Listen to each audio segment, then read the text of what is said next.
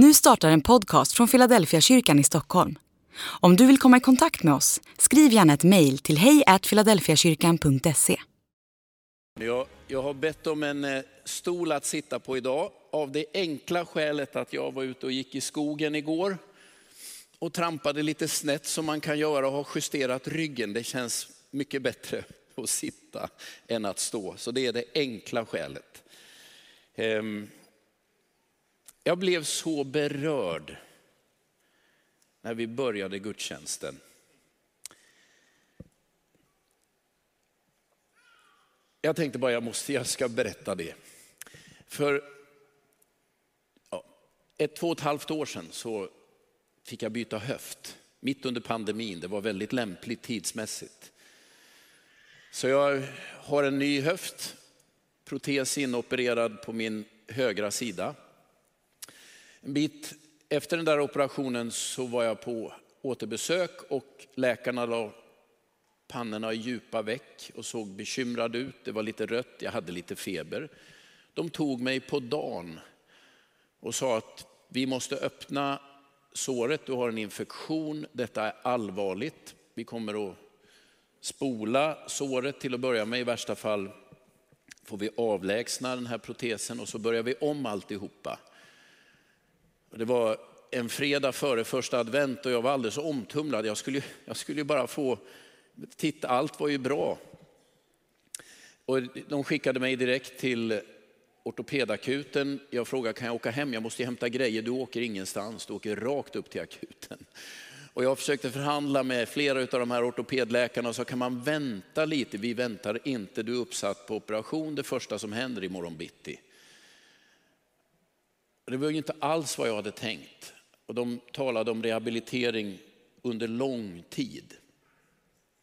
Så när jag ligger där så inser jag att jag, jag måste meddela mina kollegor att, att jag inte vet när jag kommer tillbaka eller om jag kommer tillbaka och i vilket skick jag kommer tillbaka. Så jag började mejla och började ringa och samtidigt så gick det ju långsamt upp för mig att det här är inte bra. Och den sista jag ringde den där kvällen det var min fru Helena och så sa jag till henne, vad händer nu? Och då sa hon till mig, Niklas, nu skulle du behöva ett under. Och då sa jag, ja, det skulle jag behöva, men jag vet inte om jag kan förvänta mig det. Och om det finns någon sorts kölista för ett under så är jag lågt prioriterad. Men jag insåg att så var det. Och en annan jag ringde det var Samuel Hector.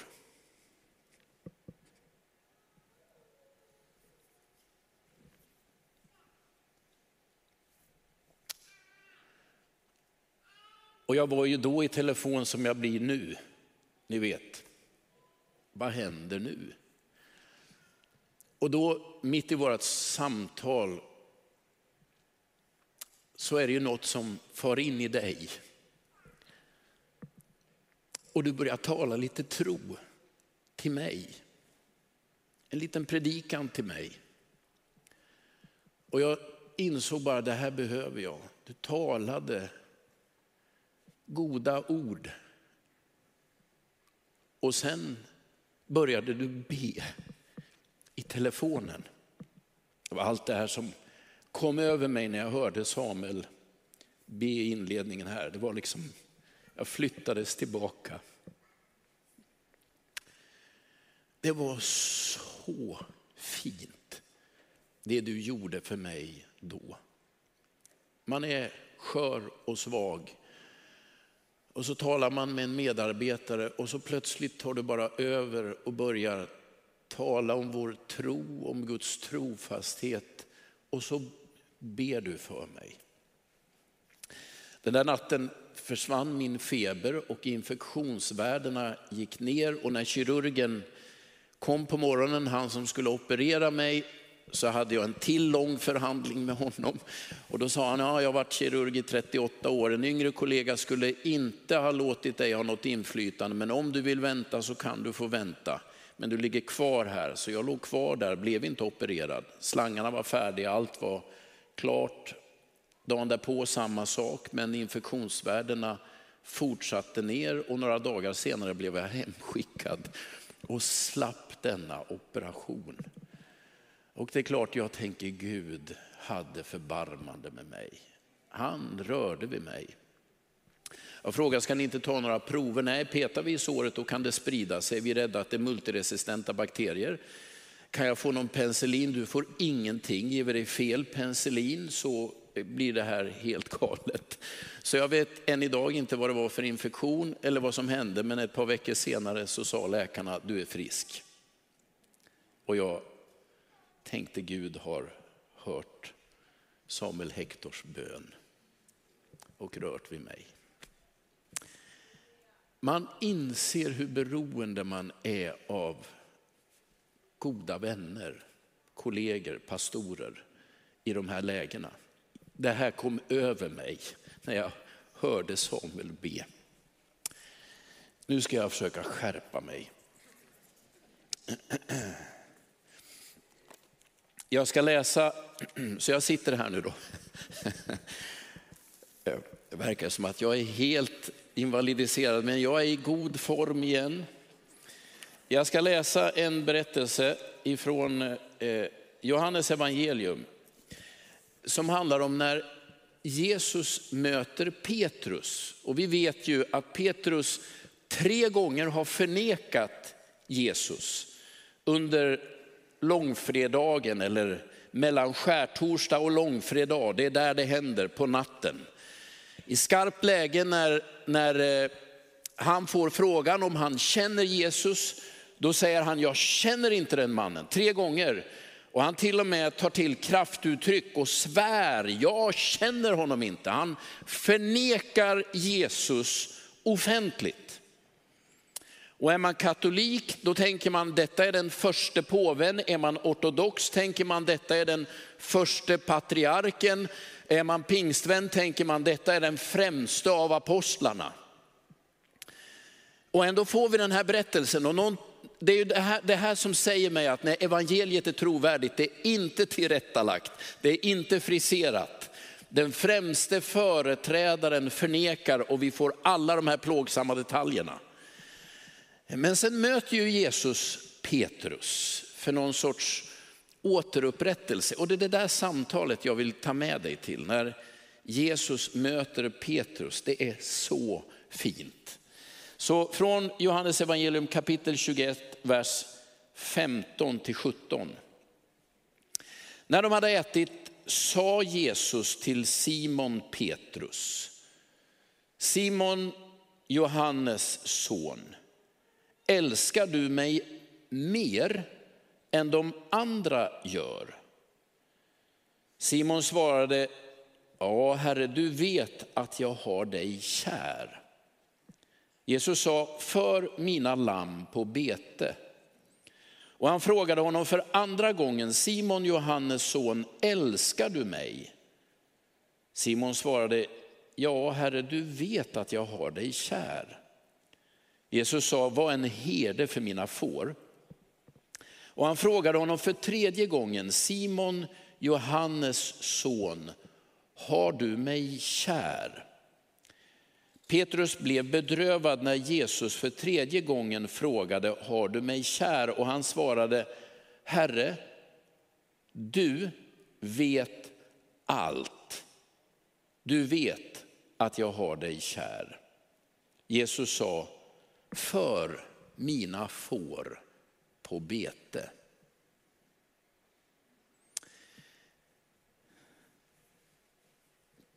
Tycker inte ni att Petrus kommer undan för lätt? Va? Borde man inte fråga? Hur tänkte du egentligen Petrus? Kan du förklara? Du har ju lovat att aldrig svika mig, om än alla andra sviker mig. Du har gett, du har gett utfästelser om din egen pålitlighet. Och sen bara viker du ner. Kan jag lita på dig? Kommer du inte ihåg någonting av allt jag har sagt?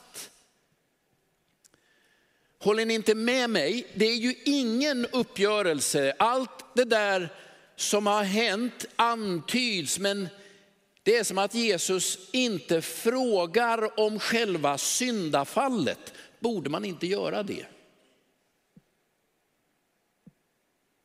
Det enda Jesus frågar efter det är, älskar du mig? Det finns ju så mycket annat man, man vill veta, eller hur? Varför låter Jesus bli det här? Och låt mig nu säga, det är ju inte bara här Jesus tiger om eventuella försyndelser. I Johannes kapitel 4, samma evangelium, finns ju en annan berättelse om en kvinna vid Sykars brunn, ganska välkänd historia. Eh, som Jesus börjar samtala med. Han ber om lite vatten och hon frågar hur kan du som är jude be mig om vatten? Hon är kvinna och samarier, det var liksom etniska spänningar. Och så börjar samtalet spinna. Och så frågar Jesus den här kvinnan, kan du gå och hämta din man? Och då blåljuger hon, får man väl ändå säga, Jesus rakt upp i ansiktet och säger, jag har ingen man. Och då säger Jesus, nej, där talar du väl ändå sant. Fem män har du haft och den du nu har är inte din man. Man tänker, här finns det mycket man vill reda i. Det är ju en lång räcka av själavårdssamtal som behöver sättas upp efter det här. Man kan ju inte bara, man kan inte bara släppa det, men Jesus bara släpper det där. Och då säger kvinnan, oh, jag ser att du är en profet. Och så rullar samtalet vidare. Hela min pastorala träning säger stopp. Det här måste redas ut. Det här behöver vi prata om, men Jesus bara går vidare. Eller, eller det, hela evangelierna är ju fullt av detta. När Jesus kommer hem till Sackeus. Han säger ju inte ett ord. Idag ska jag komma hem och äta hos dig. Och sen hör man ingenting mer från Jesus förrän Sackeus själv ställer sig upp och säger, Eh, jag ger bort hälften av allt jag äger till de fattiga. Har jag tagit för mycket av någon ska de få fyrdubbelt igen. Jag lovar, Sackeus var fattig efter den dagen. Då säger Jesus, ja men nu har frälsningen kommit till det här huset. Han är också en son till Abraham. Behöver man ändå inte gå till botten?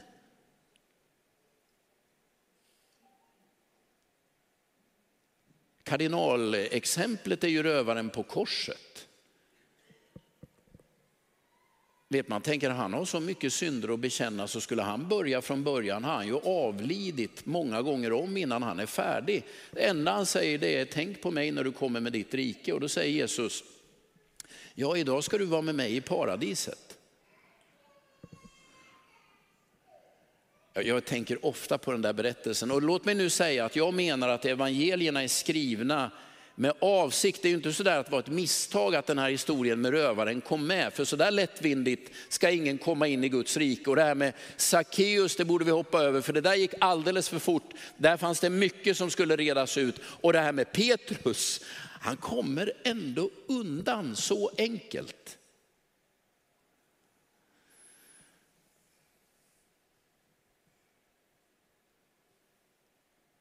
Jag är övertygad om att Jesus vet att Petrus inte skulle kunna förklara sig.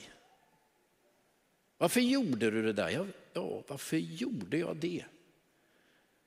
En av de andra stora syndarna i kyrkans historia, Paulus, han skriver i Romarbrevet 7, det onda som jag inte vill det gör jag, det goda som jag vill det gör jag inte. Jag förstår inte mitt sätt att handla. Det där gäller ju inte bara Paulus eller Romarbrevet, det där kan väl vi alla kanske känna igen oss i. Man hade önskat att man var liksom logisk, konsekvent, rationell. En del av oss framstår ju sådana på ytan. Men börjar man titta in i vad som bor i våra tankar och våra hjärtan så är det rätt rörigt.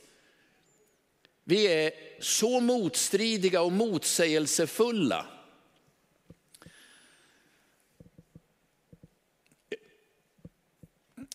Jag tänker på det, det här är en dålig jämförelse men den kan ändå duga för den är inte så dramatisk. Men, men ni vet alla de här som så här års säger att Nej, men nu ska jag gå ner i vikt. Och så tar de en kanelbulle och då blir frågan, vill du gå ner i vikt eller vill du äta en kanelbulle? För de två står inte riktigt i parallell, de funkar inte samtidigt. Ja, men problemet är att jag vill gå ner i vikt och jag vill ha en kanelbulle. Ja, men det förstår du väl att det inte går samtidigt. Men det är ju just så här komplexa vi är. Vill du följa Jesus eller vill du förneka honom? Petrus svara. Är du rädd om ditt eget skinn eller vill du ta din tro på, jag vill både och. Min uppfattning är att Jesus vet redan allt. Och det är det Petrus säger. Herre, du, du vet allt. Det är bara en fråga som Jesus verkar vara angelägen om att få ett svar på. Älskar du mig? När man läser evangelierna så inser man att det där att rota i människors ondska, att försöka reda ut alla våra olika syndafall, det är någonting som Jesus ganska sällan ägnar sig åt. Det han istället gör är att försöka dra människor in i ljuset, in i sin närhet. Nu finns det en liten ordlek som vi missar på svenska här. För det Jesus frågar Petrus två av de tre gångerna, det är Petrus, har du agape? Och agape det är ett grekiskt ord för kärlek och det ordet brukar i regel användas när man skriver om Guds kärlek. En helt osjälvisk, utgivande kärlek utan några eh, sådana här beräkningar eller finstilta undertexter. En kärlek som bara ger. Så det första Jesus frågar Petrus det är, Petrus har du mer agape än alla de andra? Och då svarar Petrus, jag har filos. Det betyder jag har dig kär eller ungefär jag gillar dig Jesus, säger han. Så Jesus frågar, ett, älskar du mig mer än alla andra? För det var ju det Petrus tidigare hade sagt, om alla andra sviker dig så kan du lita på mig. Så den första frågan den är ju Petrus, är du verkligen bättre än alla andra? Älskar du mig mer än alla andra? Då håller sig ändå Petrus till sanningen och säger, jag gillar dig Jesus. Och frågar Jesus andra gången, och nu växlar han ner lite grann, säger han, men Petrus, älskar du mig? Har du agape till mig?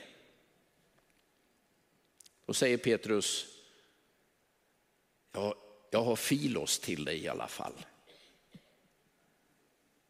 Då frågar Jesus för tredje gången, Petrus, har du filos till mig? Och det är då Petrus säger, du vet ju redan allt. Jag har filos till dig. Det är någon sorts verklighetsterapi det här handlar om.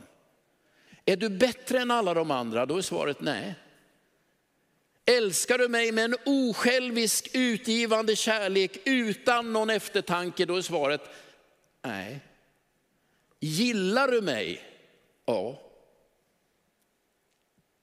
Och det verkar som att när Petrus ändå är ärlig,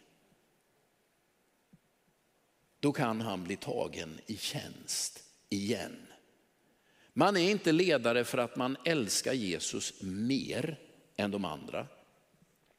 Det är ju inte ens så att Petrus orkar säga att han älskar Jesus, utan han säger, jag tycker väldigt mycket om dig. Och sen säger han, du vet allt. Vad är den avgörande frågan? Det är ditt förhållande till Jesus. Är du en syndare? Ja, det är du och det är jag med. Kan du förklara varför, det är, varför du är det? Förmodligen inte, och inte jag heller. Vi är fulla av motstridiga frågor och, och önskningar som kolliderar. Det var någon som sa att om, man, om en människa är liksom uppsatt för katastrof rent invändigt, om inte vi hade varandra och om vi framförallt inte hade en Jesus att vända oss till så skulle vi kunna lida skeppsbrott många gånger om. Vad är det då Jesus frågar efter? Det är, var finns jag i ditt liv? Finns jag i ditt liv? Och när Petrus till sist säger, ja men det är så.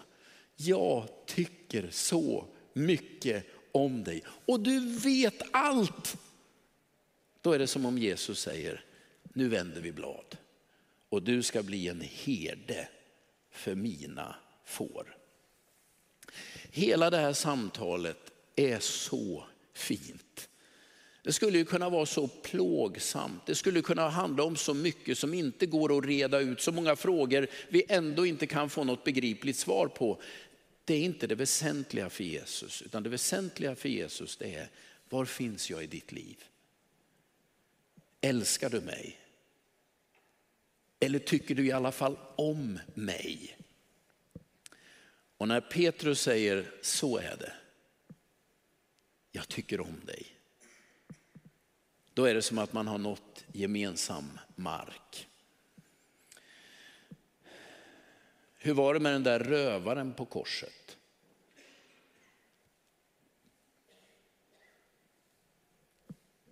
Kunde han redogöra för treenighetsläran tror ni? Vet han vad rättfärdiggörelse genom tro är? Var han ordentligt döpt?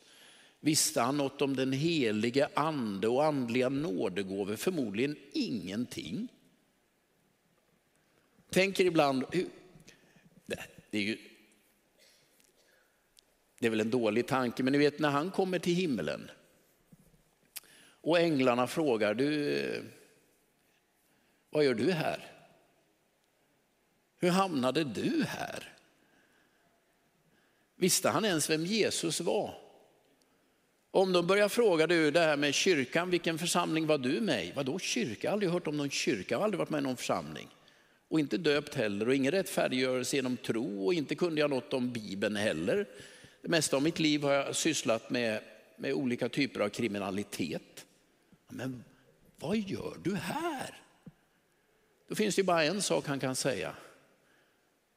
Ja, det var att mannen på korset bredvid sa att jag var välkommen. Det finns bara en väg till frälsning och det är genom Jesus. Att ta emot honom. Ska du inte reda ut alla dina synder, det kommer du aldrig lyckas med. Det är inte mitt råd heller. Vad är det viktiga då? Sök dig till Jesus. Låt honom fånga ditt hjärta. Låt honom röra vid dig. Om och om igen. När man läser Nya Testamentet, åtminstone kan jag inte annat än att haja till inför den skandal det innebär att de två främsta företrädarna, Petrus och Paulus, bägge har haft ett så solkigt förflutet. Petrus, det var han som förnekade Jesus. Paulus, det var han som förföljde kyrkan och såg med gillande på när några blev martyrer. Och det är de som leder. Vad, vad säger allt detta? Och det säger att det finns alltid möjlighet till en andra chans. Det är aldrig kört. Hela kyrkans historia vittnar om hur Gud om och om igen återupprättar människor. Vad är det man behöver veta? Man behöver veta att det har gått ordentligt fel. Behöver man kunna förklara? Nej, det kommer du nog aldrig kunna reda ut. Men det du behöver göra är att söka dig till Jesus och säga Jesus, hjälp mig. Du betyder mycket för mig. Led mig, fräls mig.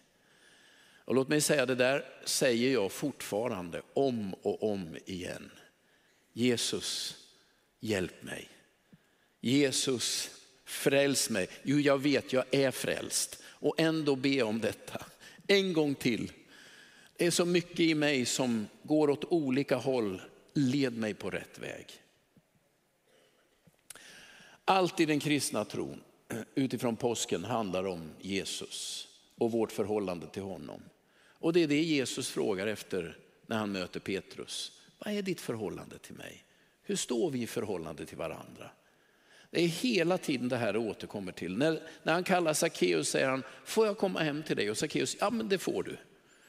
Rövaren på korset ber om en tanke och får hela paradiset. Detta är den återupprepade berättelsen.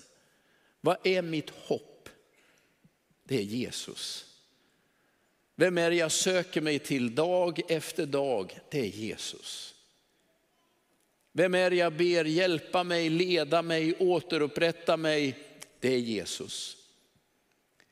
Är jag ledare för att jag är bättre än alla andra? Nej. Men förhoppningsvis kan jag vara hyfsat ärlig med min relation till Jesus. Det är dig allt beror på. Det är dig jag lutar mig mot. Det är dig jag hoppas på. Det är din frälsning och din nåd som är helt avgörande för mig. Hela det här samtalet är fint gjort och jag skulle vilja säga till dig, ta med det här när du ibland ska tala allvar med dina barn eller dina nära och kära eller på arbetsplatsen. Ska man alltid reda ut allting? Nej, men man måste fundera på vad är det viktiga? Det står ju när de hade ätit. Vet du hur Jesus inleder detta? Jo, han bjuder på frukost. Innan vi pratar, vi måste äta tillsammans. Han bjuder. Och sen närmar han sig ju detta trasiga, såriga, söndriga som måste finnas hos Petrus. Så fint. Han skulle kunna klätt av honom inför alla de andra apostlarna. Här är han, titta. Men han gör inte det. Varsamt, varsamt leder han Petrus till sanningen om sig själv, sanningen om vem han är inför alla de andra och viktigast av allt, sanningen i relation till sig själv. Älskar du mig? Ja, jag gillar dig Jesus. När man är sann, då kan man bli tagen i bruk. Hörrni, nu ska vi be tillsammans. Och jag tänker mig att vi alla emellanåt, vare sig vi nu har varit lärjungar länge, försökt följa Jesus länge, emellanåt befinner oss i samma läge som Petrus. Det blev fel. Och jag begriper inte hur jag hamnade här. Det viktiga är inte att du kan förklara det och förmodligen kommer du aldrig reda ut det. Det viktiga är att du söker dig till Jesus. Låt honom återupprätta dig. Låt honom förlåta din synd. Låt honom fånga ditt hjärta igen. Låt kärleken till honom växa i ditt liv igen. Det är det som är det avgörande. Och om du aldrig har tagit emot Jesus eller kallat dig kristen så vet du nu vad det handlar om. Inte att reda ut allt som har blivit fel i ditt liv utan om att hålla blicken riktad mot Jesus. Det han frågar efter eller vill erbjuda är en plats i ditt liv, en plats i ditt hjärta. Att du vänder dig till honom, att du låter honom komma in på dig. Allt i tron handlar om det. Vi ber tillsammans. Jesus, tack för att du är den du är. Tack för att du möter Petrus så varsamt. Tack för att du är fylld av nåd och sanning. För att du kan återupprätta vad vi än har fallit i. Och nu ber jag dig Jesus att vi den här söndagen, många av oss, skulle få komma till dig igen. Ibland förstår vi inte vad det är som har hänt i våra liv eller varför. Men Herre, du kan återupprätta. Du kan läka och hela. Du kan dra oss in till dig själv igen och du kan ge oss förnyat förtroende.